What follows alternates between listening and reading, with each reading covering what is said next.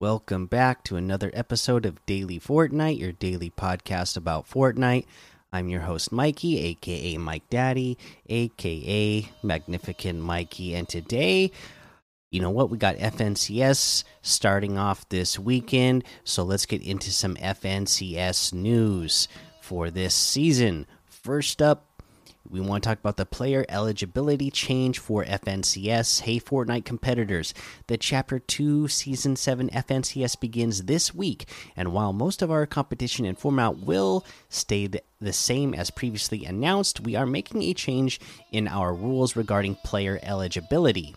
In previous seasons, players who received a competitive ban of 30 days or longer during the season were ineligible to participate in the current FNCS season and immediately subsequent FNCS season. Beginning with Chapter 2, Season 7 FNCS and moving forward, any player who receives a competitive ban of 14 days or longer during the season will be ineligible to participate in the current FNCS season and immediately subsequent FNCS season. So they're making it even tougher now. They they're really cracking down. Like if you do something to earn yourself a ban, even if it's just considered a an offense that's only going to get you a two week ban from the competitive scene, uh, you will lose out on getting to compete the rest of that season and the next season as well.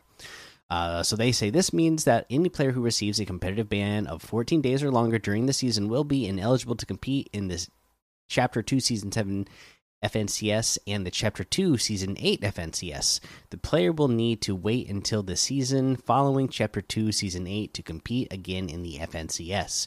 Good luck and have fun competing this season. So, yeah, there you go. There it is. They're just letting everybody know hey, they're going to be cracking down on, uh, you know, uh, cheaters or people who are, uh, violating the terms of service or uh, just using inappropriate names, they're going to start uh, cracking down on that a lot more and making it so that uh, you know you you're going to lose out on that season and the next season. Uh, you know we know these seasons last anywhere from like two and a half to three and a half months, so you could be losing on out on a, a half a year's worth of earnings if you are uh, a really good competitive player who is placing well enough uh, consistently enough to uh, you know earn money from tournaments. So uh, make sure that you are uh, playing by the rules. Uh, let's see here. And then the other piece of news that we have, of course, like I said, we got FNCS going on this weekend. Uh, so uh, they're going to be doing broadcasts, and you're going to want to know how to do that. They say, uh, let me get back to the top of this one here. How to watch the FNCS Chapter 2 Season 7 broadcast. Let's run it back as we kick off Chapter 2 Season 7 of FNCS with the first weekend of qualifiers. Our first broadcast will air this Sunday, August 1st. FNCS programming schedule. The first three qualifiers will have live coverage on Sundays for EU, NA East, NA West, Brazil, and Asia server regions August 1st, August 15th, and August 22nd. Coverage continues with the FNCS semifinals on August 28th and the expanded reboot round on August 29th. The FNCS broadcast will conclude with the FNCS finals on September 4th and 5th, where we'll crown our FNCS Chapter 2 Season 7 champions live. Just like the last few seasons, we plan to broadcast the FNCS finals in Party Royale on September 5th. And then they have uh, the times here, uh, you know, where to watch, which is all the usual places. So let's get down here to the Twitch drops, okay? Tune into the official broadcast on the Fortnite Twitch channel or any supported uh, channel during FNCS competition to earn this season's Twitch drops. Each week, you'll have the chance to earn a different in game cosmetic. This season, we have the High 3 emoticon uh, Slone Zone loading screen, double barrel spray, and the foam finger back bling with the green style variant. To ensure you're eligible for drops, link your Epic account and Twitch account within 14 days of claiming your drop reward to be processed. We look forward to seeing you in the streams at watch.fortnite.com or competing in this even this season's FNCS. All right, so we're going to have an exciting season coming up here of FNCS. So get ready for that. You know how to watch now, you know the rules. Uh, so uh, let's enjoy another season of FNCS. Uh, let's go ahead and take a look at the LTMs we got in here today. We have High Explosive Squads, Team Rumble, uh, Fishtopia Fish Tycoon. Uh, let's see here Nick A30 Zone Wars, uh, Ghost vs. Shadows Pro, and Battle Lab. Uh, if we're going to talk about a challenge tip, let's go ahead and talk about the one where you need to use four shield potions in a single match. Uh, you know, pretty simple. You're always going to want to take two minis first, and then, uh, you know, if you're trying to get to 100 shield, then you do the big pot last, uh, and then uh, you know the next time you get uh, shot and you get some shield taken off, either take another 50 pot, or if you're below 50, you can take another mini. Uh, you know a real easy way to do this, of course, though, is in Team Rumble because you can just carry a whole bunch of minis around with you, and anytime you get shot, uh, you can just pop one real quick, and you'll get four easily in Team Rumble. All right, let's go ahead and take a look at what we got in the item shop today. Uh, we have uh, all the so Snake Eyes is still here, and the Icon series is still here as well.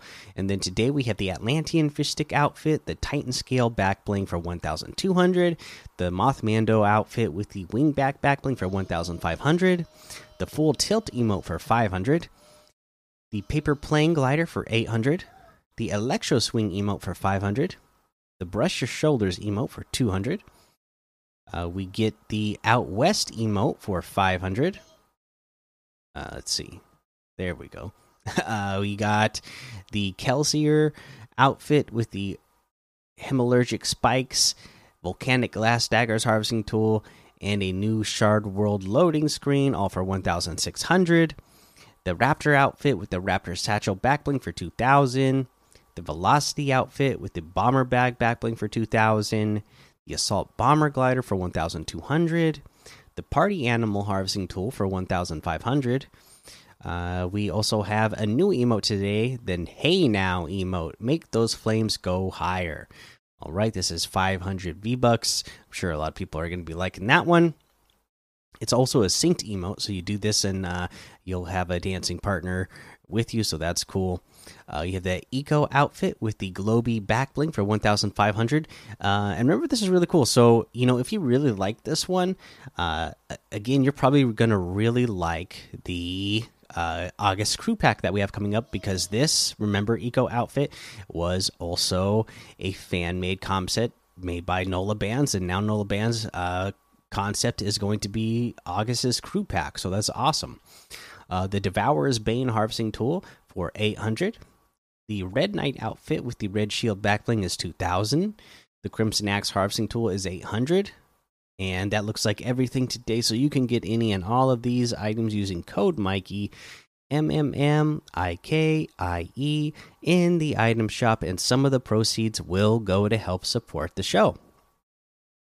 Okay, so for a tip of the day, uh, we were talking about the Bugha's late game trios uh, recently and how, you know, you just kind of want to uh, play your whatever tier you're on, whether it's a low ground, middle ground, or high ground. You want to play it correctly and play, you know, to to whatever uh, tier you're on. That way, you can uh, make sure you conserve the most mats. You know, not trying to go all the way from the lowest tier and then trying to go all the way up uh, to the high ground because it would cost you so many mats to attempt to do that uh, in the you know when there's still a lot of people.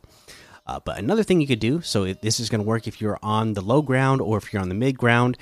Again, you're like I said, you're going to be trying to use other players' builds along the way to help protect you, so that you don't have to waste as much as your builds.